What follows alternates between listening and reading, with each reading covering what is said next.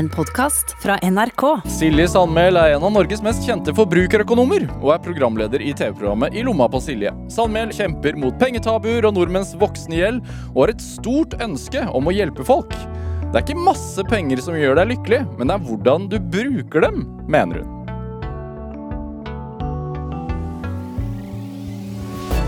Dette er Drivkraft med Vegard Larsen i NRK P2. Silje Sandmæl, velkommen til Drivkraft. Tusen takk. Hvordan har du det? Jeg har det veldig bra. Ja, Ja. Så, så bra. Jeg tror deg når du sier det. Ja, det er 2021. Jeg tenker sånn nytt år, nye muligheter. Ikke sant? Blanke ark. Her er det bare å farge dette året med masse bra. Ja, du hadde, du sa, hva var det du sa til meg før vi gikk på her? Du sa 2020, det var Ja, altså, jeg har, har det med å døpe år. så, så 2020, det ble døpt til, eh, til liksom takknemlighetens år. Hvorfor Eh, det? Nei, jeg, for meg selv så var det sånn Det var så mye som jeg ikke eh, tenkte over før korona kom. Og det er sånn eh, De små øyeblikkene ble så store i 2020 ved at den derre klemmen som jeg ikke sant, ikke fikk Jeg fikk ikke et mammaklem på mange uker, for eksempel. Altså, det bare Åh, det gjorde så vondt inni hjertet mitt. Og når jeg fikk den klemmen, så var det sånn Jeg er så takknemlig for den klemmen. Eller, eller de stundene man har med familien, eller da venner, ikke minst, da, som man ikke fikk sett så mye i 2020. Ikke at man har fått sett de så mye i 2021 heller, men, men jeg er med på den eh, Dette året er mulighetenes år. Ja. Så, så ikke gå glipp av muligheter. Altså det er særlig for folk som, som kanskje har mista jobben, som er permittert. Altså ha følerne ute. Du tror at det kommer til å. Ja, men også være litt sånn øh, årvåken. For å, å, å være åpen. Og så si eksempel hvis du er, hvis du er på, ute og søker jobb, eller har lyst til å gjøre noe nytt, eller så, så fortell det til folk. Vær åpen. Så tror jeg at øh, ting vil ordne seg. Det ordner seg. Ja, jeg er veldig på at alt har en mening, da. Så noen, noen ganger så kan jeg dra det litt langt. Men jeg tror jo eh, min sånn livsfilosofi på at alt har en mening, har hjulpet meg så innmari gjennom livet. Hva i all verden skjedde nå? Og det var en veldig Den, den sangen kjente jeg igjen. Ja, det var, det var en sang vi skulle spille etterpå, men hvorfor den ble spilt av nå, det aner jeg ikke. Men vi hørte litt av Crazy for you og Madonna. Kanskje det var sånn, som en slags sånn trommevirvel over på poenget ditt? Det var meningen, skjønte du ikke det? meningen. det var i hvert fall ikke meningen at den skulle fyre seg.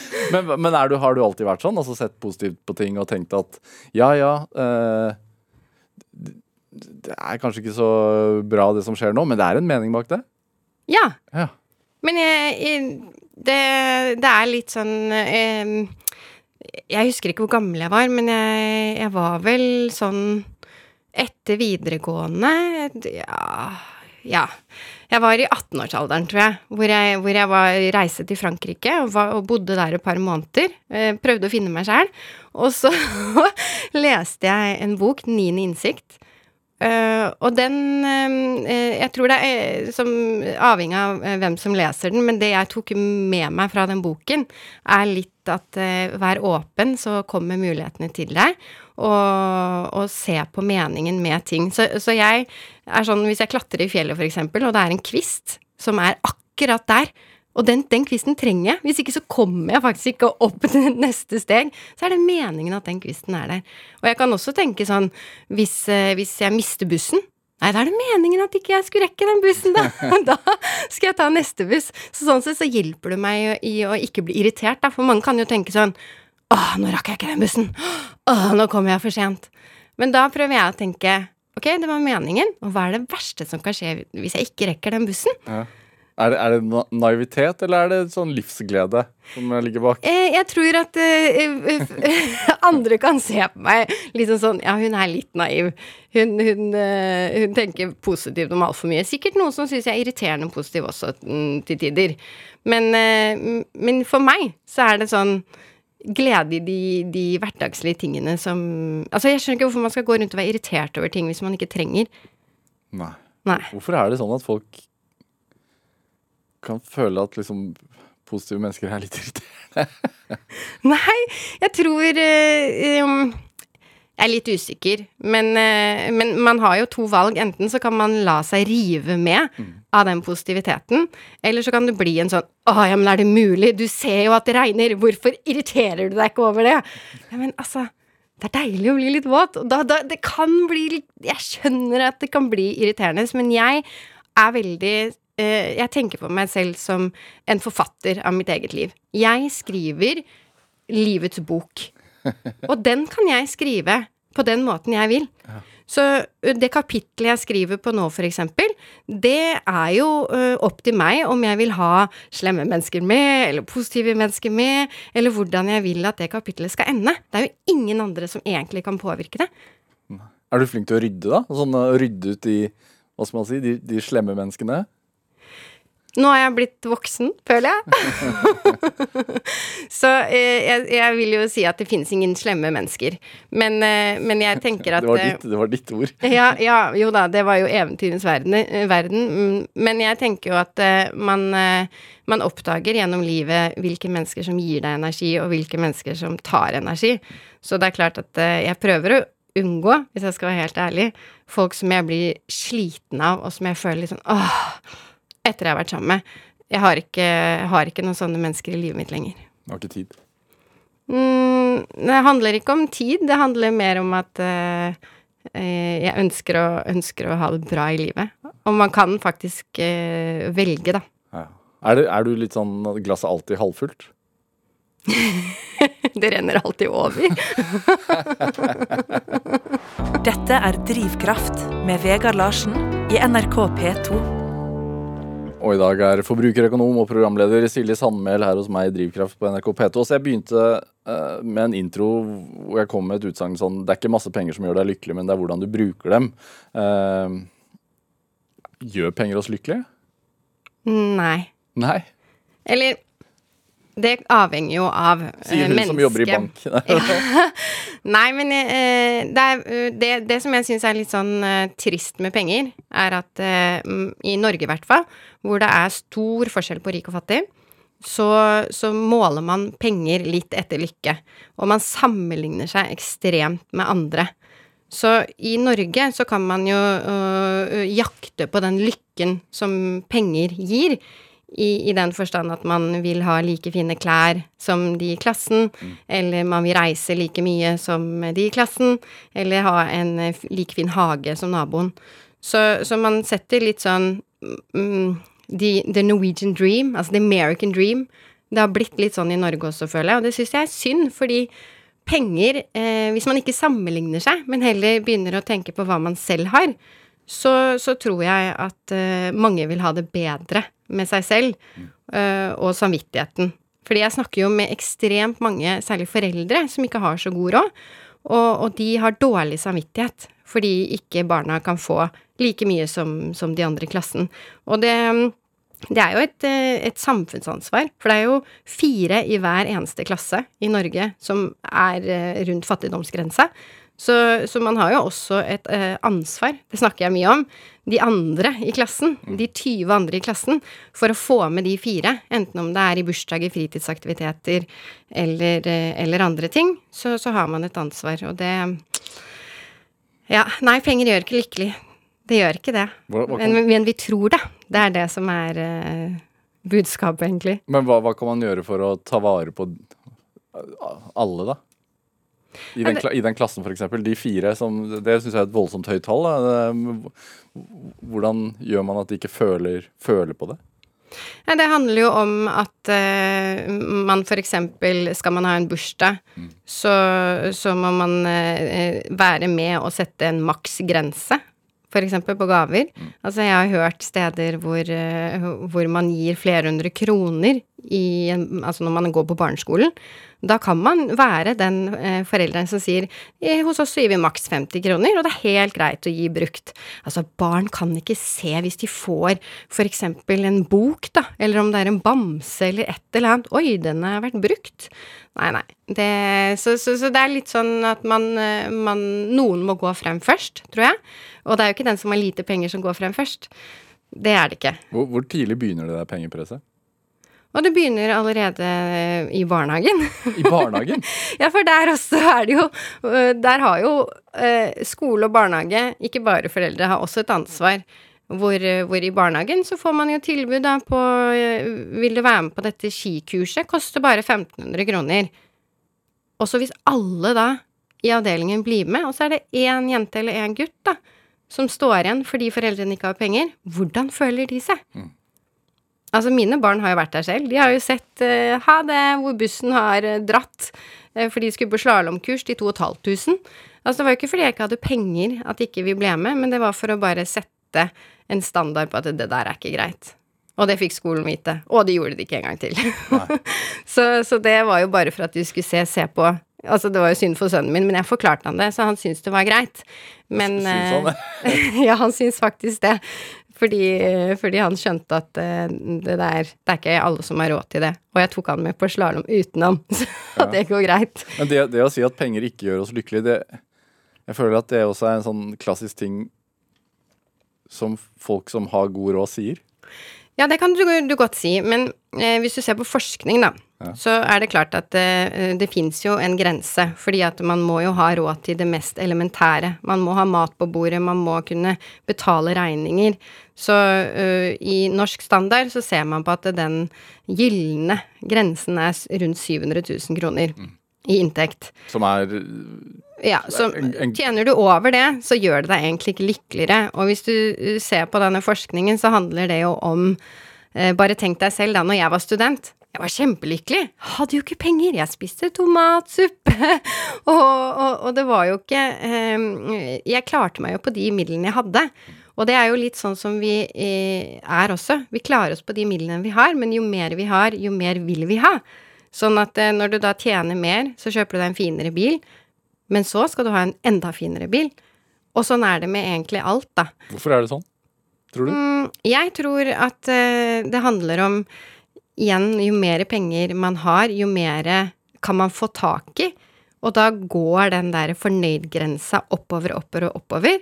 Og til slutt så er det et tak hvor da bare ingenting faktisk gjør deg mer lykkelig, fordi du har eh, oppnådd det meste Ja. Av materialistiske verdier, ja. Av materialistiske verdier, men det kan også gå på reiser, fordi det er klart hvis man ikke har så mye midler, så setter man kanskje mer pris på ting og blir mer lykkelig.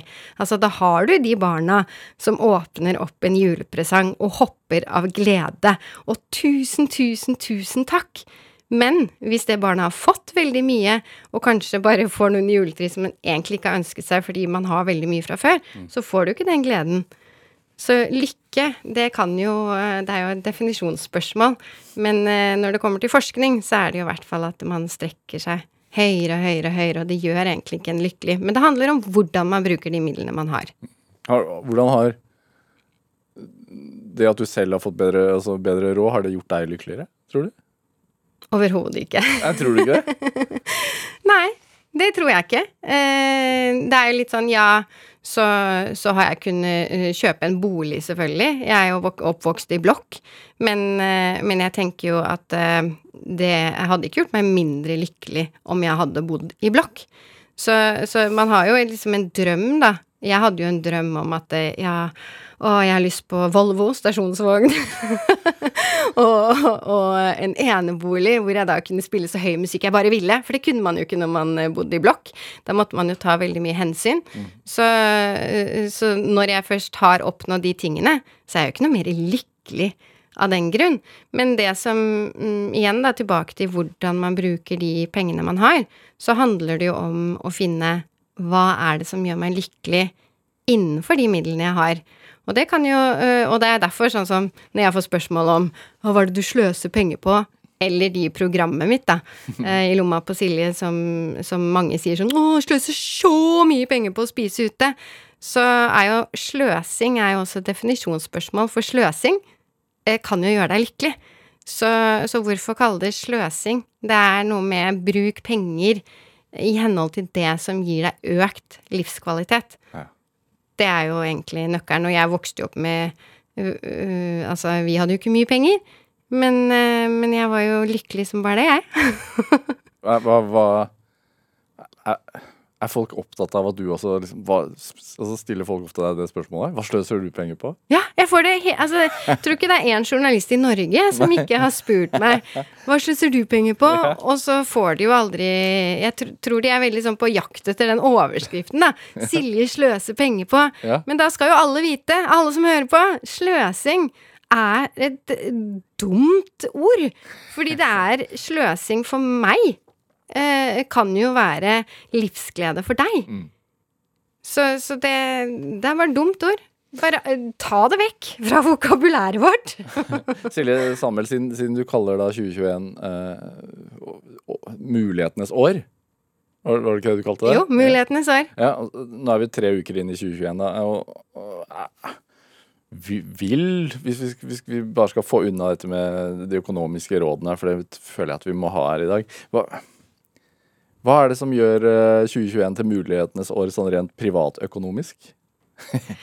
Ja, det kan du si. Altså det, det varierer jo veldig da, fra hjem til hjem. Fordi at de som eh, fortsatt har jobb, eh, de har jo nå mye mer penger mellom hendene enn før. Og det er to grunner til det. Og det ene er at renta er eh, veldig lav. Og det andre er at man ikke har fått brukt så mye penger i år. Man får ikke reist så mye. Får ikke reist så mye. Ikke har, har man hatt mulighet til å gå ut og spise, eller være på arrangementer, konserter. Altså alt det som du brukte penger på eh, året før. Så, så vi ser jo det at sparekontoen til folk har blitt tjukkere og tjukkere. Så, så sånn sett så er det jo mulighetenes år også, fordi jeg tenker når det kommer til penger, som jeg har vært inne på nå, er jo hva er det som gir deg lykkelig? Og da kanskje omdisponere pengene dine for første gang i ditt liv. Fordi 80% av oss nordmenn har ikke oversikt over hva vi bruker penger på. Så det å tenke hva er det 80 80 ja. Men det er jo fordi det går rundt, og da tenker man ikke over det. Så, så det handler jo litt om å kanskje sette deg et sparemål, eller fler, hvor du, hvor du dedikerer ok, disse pengene har jeg lyst til å bruke til noe da som gjør meg lykkelig.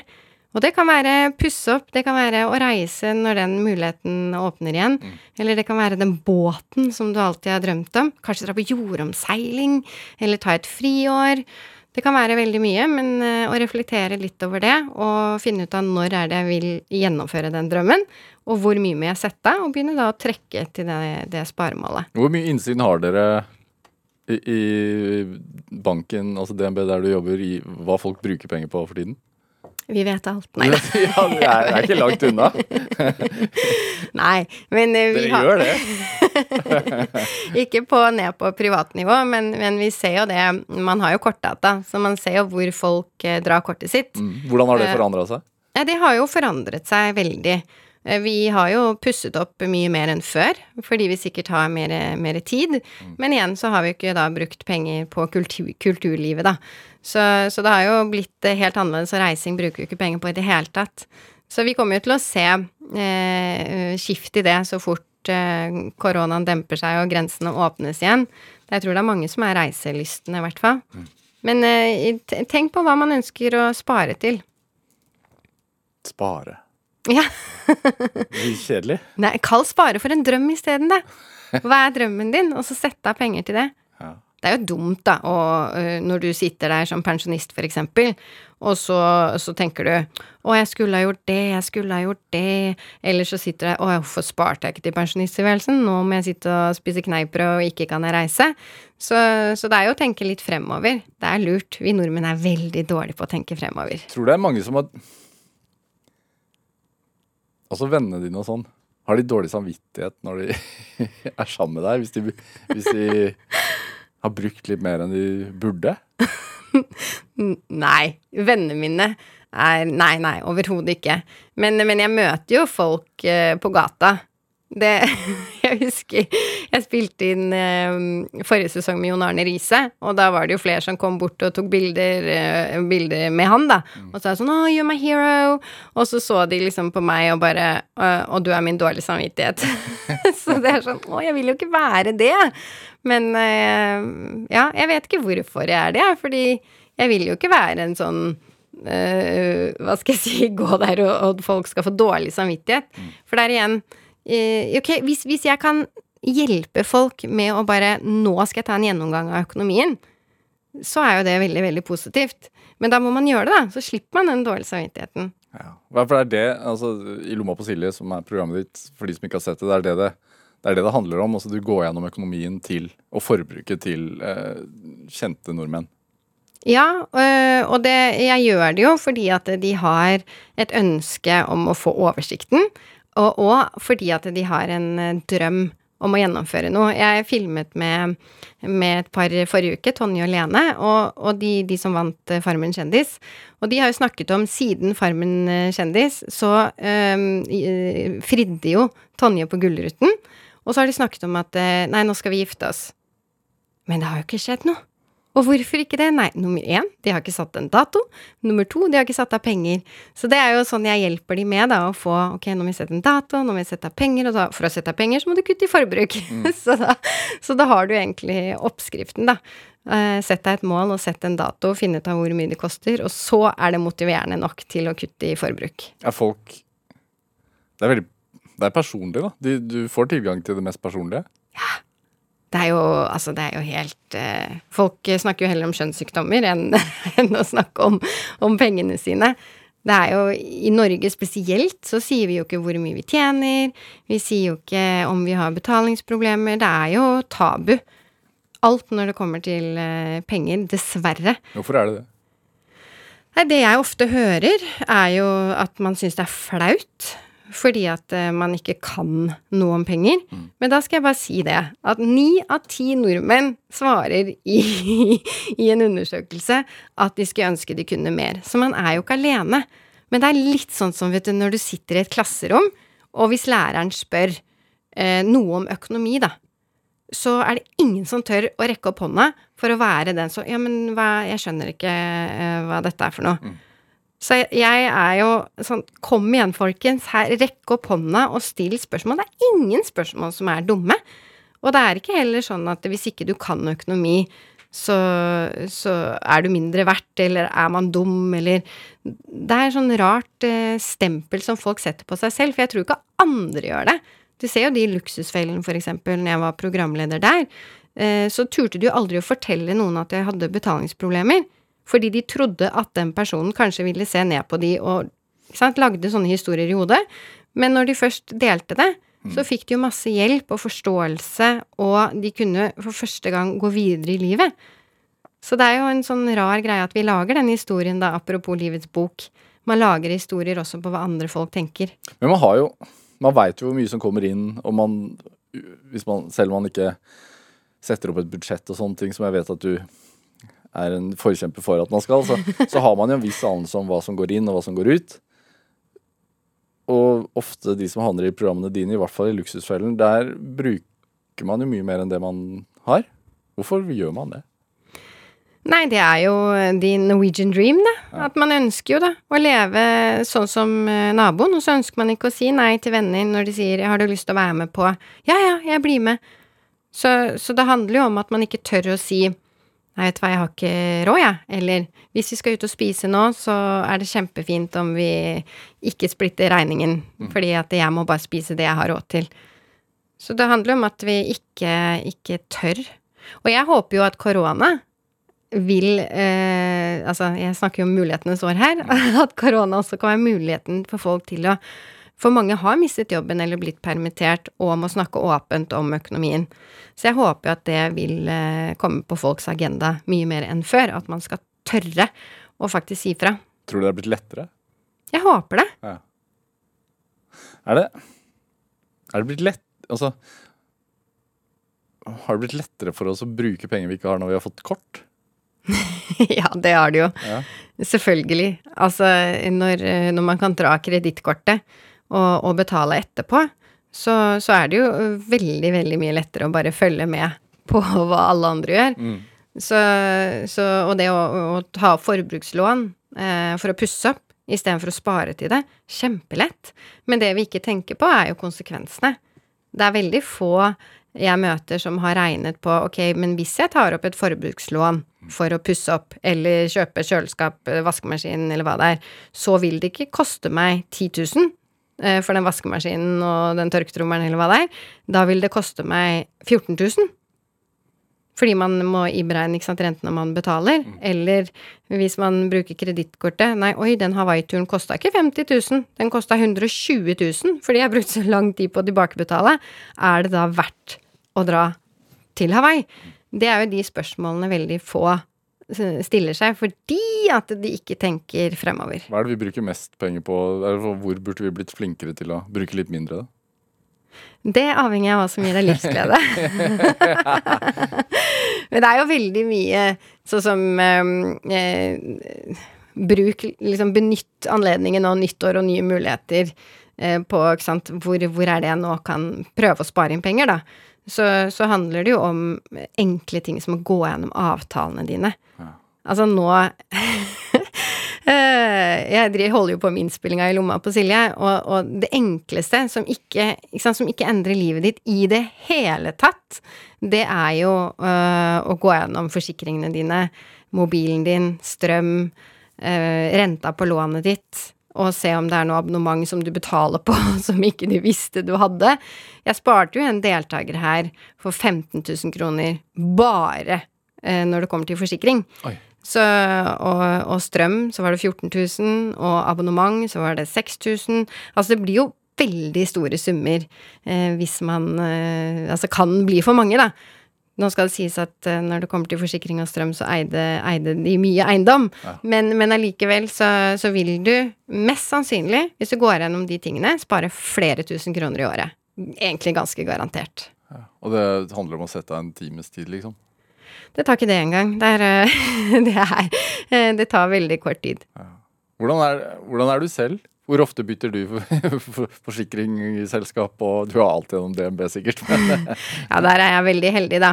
Men, eh, men, jeg vil jo si det at um, Hvordan ser ditt ukes Altså, har du ukes- eller månedsbudsjett hjemme hos deg? Nei, altså jeg har ikke et sånt budsjett på hvor mye skal jeg bruke på klær, hvor mye skal jeg bruke på mat, hvor mye Men jeg bare vet hvor mye jeg bruker. Eh, og det høres jo veldig rart ut, men det er fordi at eh, jeg handler veldig sjelden. Eh, så jeg er jo ikke noen sånn småshopper. Og det er jo fordi jeg ikke liker det. Eh, det er litt sånn Mange blir sjokkert når de får 'Hæ, liker ikke du å shoppe klær og interiør?' Jeg bare nei, jeg hater det. Jeg vil helst bare sitte på en stol, og så kan andre gjøre det for meg. Så da har jeg gjerne med en venninne hvis, eh, hvis, jeg må kjøpe noe interiør. Um, og så prøver jeg å handle veldig, veldig sjelden. Mamma handler gjerne med barna, klær og sånn. Så, og jeg betaler, altså. Hun betaler ikke. Den beste sparemåten. Få, få, få, mormor til å betale. Men hvis man handler veldig sjelden, så har man jo også oversikt, da. Det er jo all den småhandlingen som gjør at du mister oversikt, og som gjør at du, sånn som i programmet mitt, får sjokk når jeg sier at eh, ja, du bruker jo 250 000 på mat i året. Ja. Da får man jo bakoversveis. Mens når du handler én til to ganger i uka, som jeg gjør, så, så vet du summen. For jeg personlig bruker for mye penger på mat, det vet jeg. Helt sikkert. Du er jo ikke alene. Alle, nesten alle, vil jeg si, gjør jo det. Ja. Men det, det, er jo det som Jeg liker jo det, da. Ja, gir det deg livskvalitet? Ja, litt. Ja. Men eh, er, liker du best å spare eller å bruke? Um, altså, det er jo Når det kommer til lykke, da, så er det jo mange som får en lykkefølelse av å bruke. Altså sånn hvis man kjøper seg en ny sko eller en ny jakke, eller så bare åh, det gjør meg så lykkelig. Kortvarig lykke, da, riktignok. Det, det, er mange som får lykke av å se, se liksom kontoen vokse også? Ja. Um, jeg vil jo si at um, for meg så uh, gjør det meg jo lykkelig når jeg ser at sparepengene mine har vokst. Eh, dette er jo ikke noe jeg anbefaler alle, men, men jeg eh, investerer jo i enkeltaksjer og i aksjefond og, og, tar jo litt mer risiko, kanskje enn folk flest. Og da gjør det meg jo lykkelig når jeg ser at eh, åh, nå har jeg fått så så mye avkastning på pengene mine. Så, Hvorfor det, tror du? Fordi det er liksom gratis penger. Ja. det er jo en sum jeg har satt inn, og så har de vokst. Men selvfølgelig, eh, jeg får jo også nedtur når det går nedover, for det gjør jo aksjemarkedet. Det går jo opp og ned. Så jeg blir ekstra glad nå. når det går opp. Så, men jeg blir ikke lei meg når det går ned heller, for jeg, dette er jo en investering jeg har gjort langsiktig. Hvorfor tenker du at dette er så spennende å drive med? Eh, aksjemarkedet, tenker du? Nei, Eller penger generelt? Penger, forbrukerøkonomi, ja. Nei, det er fordi det, det er litt sånn uh, livets tre, hvis jeg skal kalle det, kalle det det. Fordi økonomi er Det er sånn stammen vår. Pengene er, er uh, noe som kan gjøre oss veldig, veldig vondt. Som kan gjøre at vi visner og, og dør. Det er ikke bokstavelig, men, men det er hvis økonomien faller, så faller gjerne ting rundt også. Da, da faller gjerne vennskap, fordi man ikke mm, Ikke sant, man kutter jo, kutter jo bånd med venner. Eh, jobben faller, fordi at eh, man ikke klarer å gå på jobb fordi man har økonomiske problemer. Eh, og så psyken, fordi at man eh, får så vondt. Det er en klump som bare vokser seg større og større. Og dette har jeg jo, det så jeg så innmari nært med Luksusfellen, hvor bare alt falt bare på grunn av økonomien. Så det å kunne være med å gjenreise det, Så det var sånn ball som begynte å rulle, liksom. det Ja. Og du gravde deg dypere og dypere ned i et hull.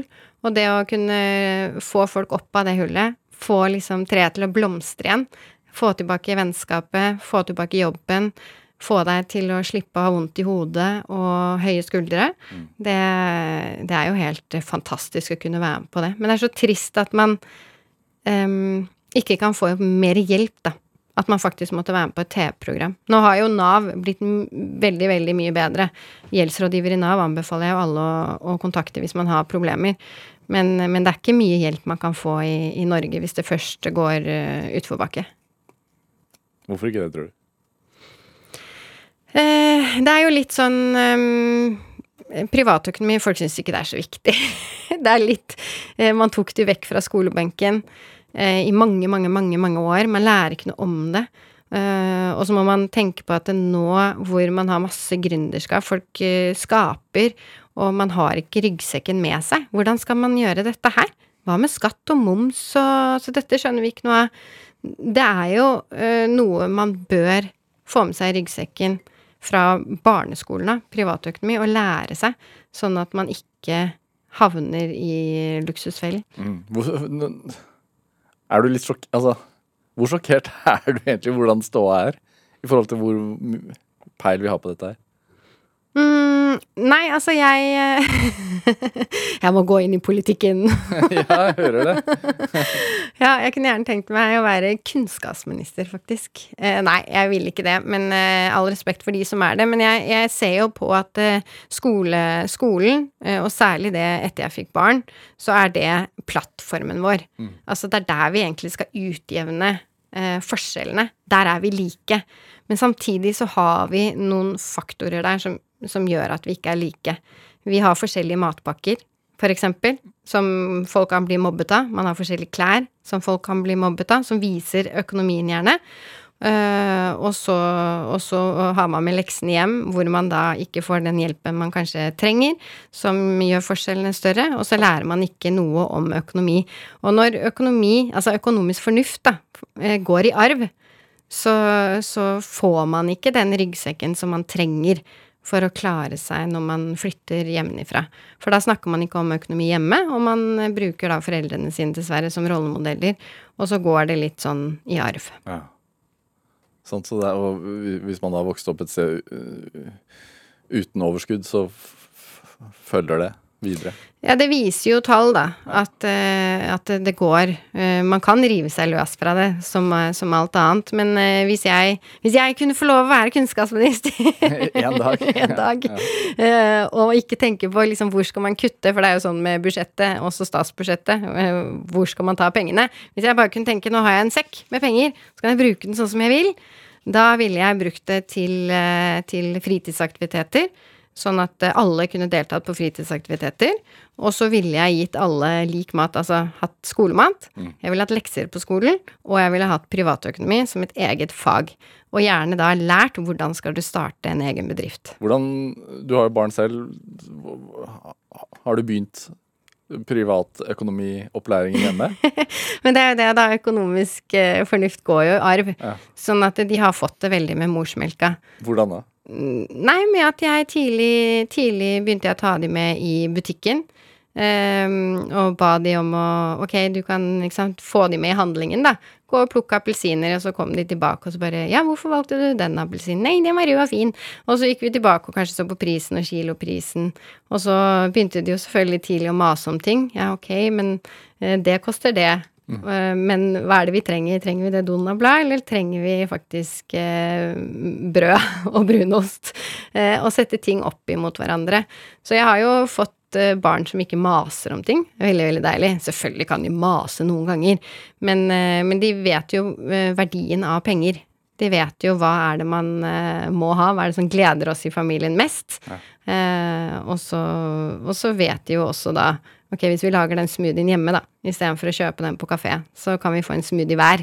eh, og en til, og en til, og en til. Eh, I stedet for at vi kanskje bare hadde fått, eh, fått én, da. Og ikke noe Donald, da. du, vi har spart på Donald siden jeg var liten, så om de ikke de får 2021-utgaven, så får de 1978. Eh, Silje Samuel, vi skal spille litt musikk. Du har med en Madonna-låt. Mhm. Hvorfor det? Nei, altså mm, eh, Denne låta her har vært eh, gledens dag og driti ut-dag. og den, den har vært med på litt sånn eh, forskjellige scenarioer, vil jeg si. Utdyp. Ja, vil du ha det nå, eller vil du ha det etter, Nei, etter å ha spilt låta? Du har Både ut- dri, driti-uttak, hva betyr det? Nei, er det én ting jeg ikke kan, så er det å synge. Eh, jeg har jo spilt revy i mange år, eh, og sang, og det er sånn tullesang.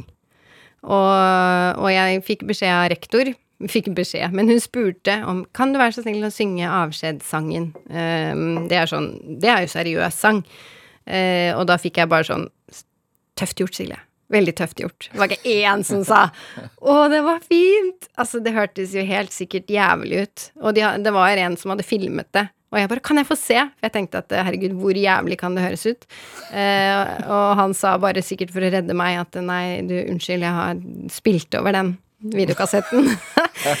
Men i hvert fall, da. Så, så når jeg eh, ble sammen med kjæresten min eller mannen min er han jo nå. Eh, når vi ble sammen, så, så sang jeg karaoke til han. For at han skulle falle for meg da. Du ga deg ikke. Du trodde fremdeles Ja, jeg trodde trodde fortsatt at jeg kunne synge fint. så jeg sang karaoke denne sangen. Eh, det vet jeg ikke helt om det gjorde han mer eller mindre interessert i meg, men det ble også bryllupssangen. La oss høre det.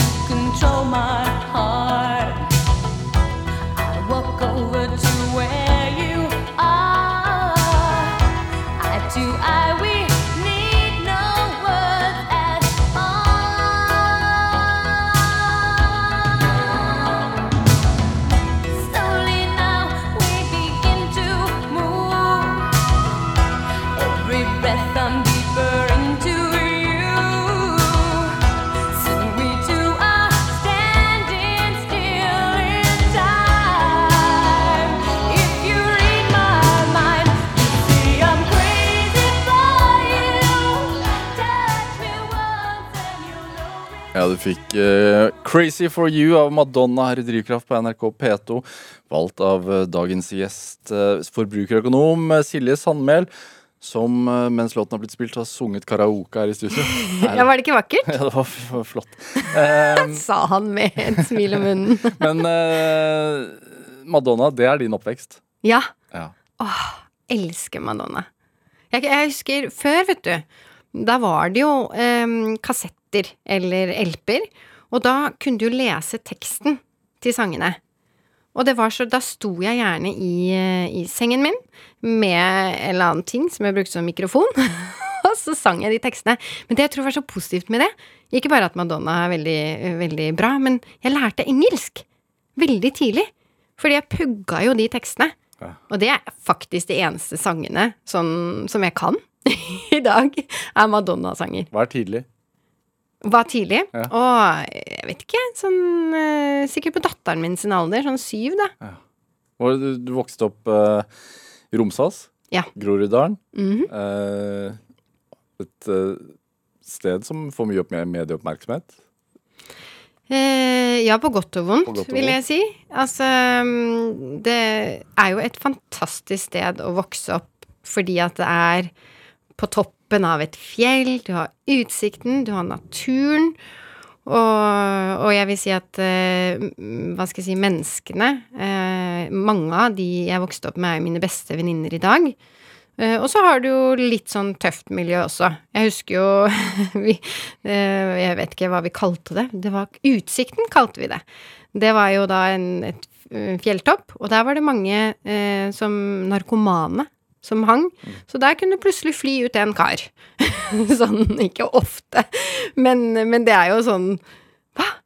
Eh, veldig, veldig merkelig. Fly ut en Nei, kar. da hadde han tatt et eller annet, da, så han trodde han kunne fly, Nei, så da meg. bare hopper man utfor, da. Så det, det kunne, jo, kunne jo komme litt sånn nyhetssager på. Eh, og så var det jo tøft Det var et gjengmiljø.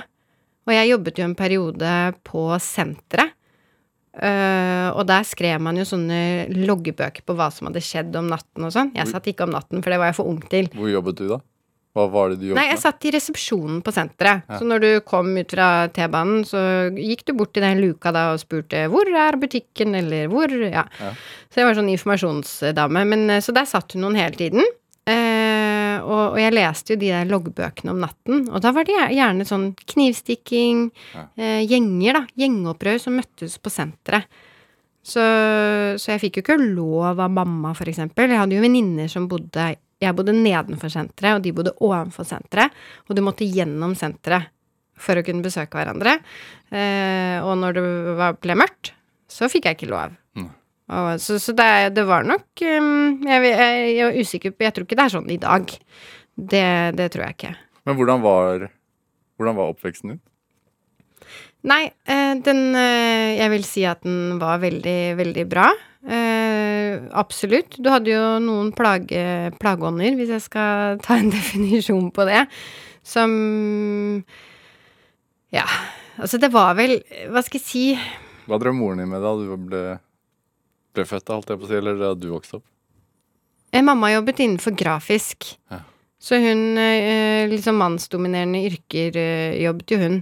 Men hun var jo Mamma er jo mitt store forbilde, min beste venninne, og eh, en dame med bein i nesa. Så, pluss at jeg har en storebror. Så det skal jo sies at de pøblene som plaga meg eh, Og det er så drøyt at eh, ikke sant, det var jo en som eh, tente på håret mitt, du kunne bli sparket, du kunne Ja. Folk eh, Ja, jeg vet ikke. jeg tenker jo Som voksen så tenker jeg de har det jo ikke bra hjemme, så nå syns jeg jo bare synd på de. Men, eh, men skolen tok jo ikke tak, og, så det var jo storebroren min, eller mamma, som måtte eh, ta tak. Og da stoppet eh, de jo. Så var det gjerne noen som tok over, men Hvordan tror du altså, Du vokste opp der i blokk og, og sett ting rundt deg. Altså, som du sier, altså, det var barn som kanskje ikke hadde det så bra hjemme. Hvor, tror du det har påvirka yrkesvalget ditt? Mm, nei, det tror jeg ikke. Men jeg tror nok eh, at jeg vokste opp med At vi hadde ikke så mye, ikke så mye penger. Eh, Hva vil, hva vil det si? Sånn fra forbrukerøkonomens perspektiv? Nei, det vil si, altså mamma og pappa skilte seg når jeg var liten. Eh, vi bodde først bare som midlertidig sted, eh, lite sted, og så flyttet vi til Romsås fordi at der var det billig. Eh, og så hadde vi jo ikke råd til å kjøpe kjøleskap, for eksempel, når vi flyttet dit, så vi hadde Gudskjelov var vinter, og vi hadde matvarene ute på verandaen. Uh, vi var på loppemarked og innredet uh, leiligheten. Vi fikk noen madrasser av naboen. Altså, fikk sykkel av naboen. Mm, det var Det var jo Jeg tenkte jo aldri et sekund på at vi egentlig ikke hadde noe god råd. Så fikk vi jo mye bedre råd etter hvert. Men, eh, men mamma var jo veldig sånn på at eh, hun viste meg jo hele tiden hva vi brukte penger på. Hun hadde en sånn der bok som hun skrev opp. Ok, nå har vi handlet for 250 kroner.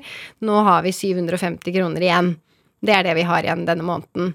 Så, så jeg fikk jo veldig sånn innblikk i hvor mye ting kostet, og hva man måtte bruke pengene sine på i henhold til hva vi måtte ha. Tenker man på det da som barn? Altså har man Fordi man, som, som barn så har man jo Drømmer man jo om ting. Leker den og den jakka, kanskje. Altså. Jo, men det er akkurat det, og det gjelder eh, Det ser man jo. eh, Men tenkte du på det? Altså, sånn- Selvfølgelig tenkte jeg på det. Ja. Jeg ville jo aldri spurt mamma om kan jeg få den jakken. Nei. Fordi jeg visste at det har vi ikke penger på. Og du er jo veldig sånn mot foreldre, så, så har du både respekt, og, og du vil jo ikke såre de. Og det er jo det som eh, jeg får så vondt i hjertet i dag. Fordi det ser jeg jo av undersøkelser, særlig som Redd Barna, hvor de har spurt barn som ikke driver med fritidsaktivitet, f.eks., Mm. så sier jo ikke de til foreldrene sine at de har lyst til å spille fotball. De sier 'nei, jeg har ikke lyst til å spille fotball, jeg, mamma, det er ikke noe gøy'. Var du sånn? Mm, ja, ja. Og jeg husker, husker eh, farmoren min, som eh, hadde penger. Hun tok meg med ut på shopping, og, og da var jeg veldig sånn på Gikk jeg rett til liksom den tilbuds... Der man har tilbudsklær. Mens hun var sånn Nei, men du kan velge hva du vil, Silje. Og, men jeg hadde aldri samvittighet til det. Så, så, så da gikk jeg jo sånn Nei, jeg vil ha den på salg. Mm. Uh, selv om jeg ikke trengte det. Men jeg tror nok jeg fikk veldig respekt for at penger det, Man kan kun bruke de pengene man har, og de må brukes eh, fornuftig, da. Og så så jeg samtidig at eh, man ikke må ha så mye penger for å ha det hyggelig, eller eh, Ikke sant. Vi, vi fant jo på så ekstremt mye som ikke kostet oss en krone. Som hva da? Nei, som å ta med teltet ut i naturen, ta med stormkjøkkenet, lage middag ute. Eh, når jeg fikk sykkel av naboen, så, så tok vi sykkelturer. Vi gikk jo, det var jo fantastisk med Romsås, masse vann rundt omkring som man gikk og badet og kunne, kunne sove over. Så, så naturen er jo helt gratis, men for et eventyr det er å gå på Altså, gå så utforske naturen. Eh, det Og det ser jeg med barna mine òg. Så, så den der, det derre kosen som veldig mange foreldre em, lager en definisjon på, kosen for oss, var jo det å, å lage innbakte pølser og ta dem ut i naturen, eller, eller lage mat i naturen, eller å være der. Det var jo Da koste vi oss. Men du Og så fikk du en slags sånn innføring av hva penger var Altså hva, hvilken verdi penger hadde, da? Som du har tatt med deg kanskje videre? Ja, ja, fordi man har en sum med penger, enten om den er stor eller liten, og så må man finne ut av uh, hva må man ha. Ok, så har man brukt penger på det. Eh, og så den potten man har igjen, den må man jo da vurdere hva er det som gir mest uh, livskvalitet. Og når man ikke har så mye, så, så er det jo å, å finne alternativer til ok, er det noe vi kan gjøre som, som gjør oss lykkelige, da? Og det er der jeg mener at foreldre har et stort ansvar i den kosen. Fordi hvis man da tenker ikke har så mye penger, og så tenker man ja, men den kosen, det er å gå og bowle, eller dra i en svømmehall, eller dra på kino. Som koster masse, masse penger. Eh, men man trenger ikke å definere det som kos. Man kan heller innføre andre ting som er like hyggelig, men som ikke koster så mye. Hvordan, nevner moren din. eh, Hvor var faren din, da? Han var en helgepappa, så, så jeg bodde jo, bodde jo hos mamma, var han annenhver helg. Eh, og de skilte seg jo når jeg var fire, så jeg var jo mest med mamma. Ja. Faren din døde da du var ganske ung, eller sånn 24 år? Ja. Og der også lærte jeg jo sånn apropos økonomi, eh, for jeg tror ikke man for å, for å kunne som, si at man forstår, sånn at jeg kan si jeg forstår folk som har dårlig råd, da, og prøve å hjelpe de til å, til å eh, disponere disse pengene de har, eh, så, så oppdaget jeg også med faren min for han, eh, han hadde jo ikke så veldig mye penger, han heller, eh, og ble ufør veldig tidlig. Men, men der stilte jeg jo blant annet opp som kausjonist. Han hadde så lyst på bil. Eh, og da, jeg husker ikke hvor gammel jeg var, men jeg var ganske ung. Men jeg har alltid hatt en sparekonto, så jeg har alltid hatt penger.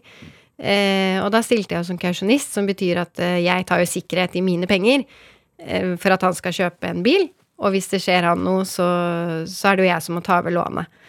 Eh, og han døde jo, og da tok jo jeg over lånet på den bilen. Og ikke at det Det har ikke så mye å si, men jeg ser Sånn som i dag, så stiller man opp eh, som kausjonist nesten blindt. Foreldre, da. Det er jo For det- barna sine? For barna sine. Men man tenker ikke over konsekvensene. Så det er også noe jeg eh, Skal jo ikke rette pekefinger eller noe som helst, men jeg er veldig opptatt av å fortelle folk når det kommer til penger, tenk på konsekvensene. Alt kan skje. Jeg vet man ikke vil tenke over at ting kan skje.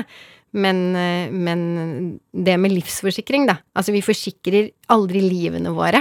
Men vi forsikrer dyra våre, og vi forsikrer tingene våre. Barna og, og vårt eget liv, det forsikrer vi ikke. Så det som jeg skulle ha gjort den gangen, var jo å, å sørge for at vi hadde en livsforsikring, sånn at hvis det skjedde noe med han, så ville jo ikke jeg sitte igjen med, med lånet. Og det var jo ikke mye, men det var jo over 100 000, og jeg var jo ikke gamlejenta, så Tenker du, altså det oppveksten din, at, at dere hadde dårlig råd, og at du gikk på en kursjonistsmell, holdt jeg på å si, er det ting du tar med deg inn i, inn i jobben din nå? Ja, ja, absolutt.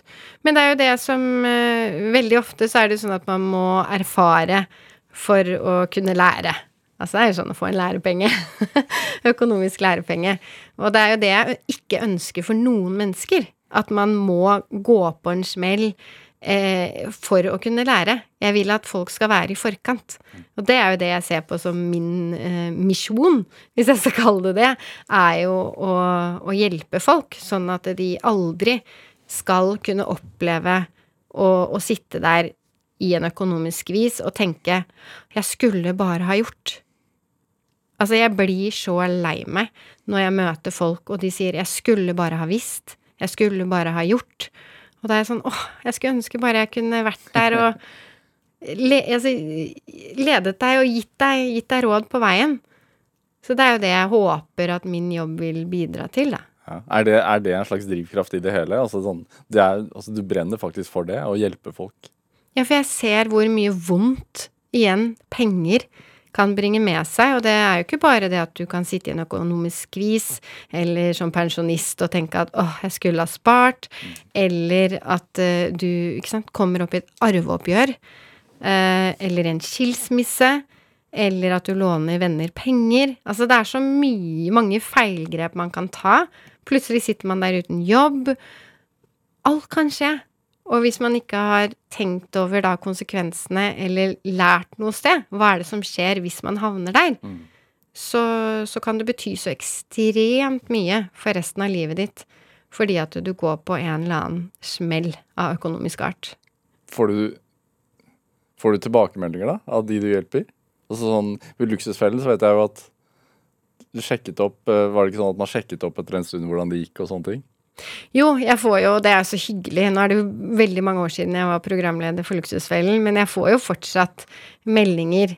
Eh, blant annet fikk jeg for et par uker siden hvor nå, ikke sant, nå er vi endelig gjeldsfrie. Vi har giftet oss, vi har fått barn, vi har fått kjøpt oss den, eh, altså kjøpt oss en bolig. Og det jeg, jeg sitter jo og sipper, ikke sant. Ja, gjør du det? jeg gjør det. Fordi at eh, jeg blir så glad for at eh, man har klart å snu noe som har vært så vondt. En skikkelig verkebyll. Og så har man eh, klart å snu det til noe positivt. Og, og jeg Det høres jo flåst ut, men det å, å nesten redde liv, da Det fins jo ikke noe deiligere følelse. Jeg kan godt forstå leger og sykepleiere og eh, den, den følelsen av at eh, åh, nå har jeg klart å hjelpe noen. Når var det du skjønte at det var det du ville drive med, da? Jeg tror nok um, Det er liksom vanskelig å si, fordi jeg, jeg har aldri egentlig hatt noe sånn 'Dette skal jeg bli når jeg blir stor'. Veien har jo kommet til mens jeg har gått. Og det er jo det Alt har en mening, da, som jeg startet programmet med å, å, å si. Så, så har jeg Det har liksom gått seg til. Og så har jeg følt at uh, her er virkelig et sted jeg kan bidra. Og nå er det jo veldig mange som snakker om privatøkonomi. Både i sosiale medier, og alle bankene har en forbrukerøkonom, og, og det er jo veldig mange eh, i markedet, hvis jeg skal si det sånn, da. Og det er jeg veldig glad for, fordi at det betyr nå at det har blitt mer fokus på privatøkonomi. Kanskje blir det mindre tabu å snakke om. Kanskje kan vi lære mer, sånn at vi slipper å gå på den smellen. Så, så jeg håper jo at litt sånn at jeg har vært med på å bygge opp dette korstoget. Hvor lenge tror du renta kommer til å være så lav, egentlig, som den er nå? Når jeg først har det her. Ja. Hvis du skal spå? Nei, det er jo litt sånn når jeg sier til folk den kan doble seg, så bare doble seg? Eh, ja, altså, styringsrente er på null. Det er klart at ikke den skal Dobbel av null er null. Nei, men bankrente er jo ikke på null, da. Nei. Så det er jo det folk er opptatt av. Men, eh, men så, så fort verdensøkonomien eh, er på fote igjen, så kommer jo ting til å krabbe oppover. Og husk på det, i Norge så kan vi takle en høyere, høyere rente. Vi har økonomi til det. Men vi bremses litt av det som skjer rundt oss også. Så nå ble du forbrukerøkonom. Ja. Silje Sandmæl, tusen takk for at du kom hit til Drivkraft. Veldig, veldig hyggelig. Hør eh, flere samtaler i Drivkraft på NRK på nett, eller last oss ned som podkast. Send oss også gjerne ris og ros og tips til mennesker du mener har drivkraft. Send den e-posten til drivkraft, krøllalfa, nrk.no. Vi hører veldig gjerne fra deg. Eh, Følg oss også gjerne på Instagram, på NRK-Larsen. Produsent og researcher i dag var Ellen Foss Sørensen. Jeg heter Vegard Larsen. Vi høres. Du har hørt en podkast fra NRK. Hør flere podkaster og din NRK-kanal i appen NRK Radio.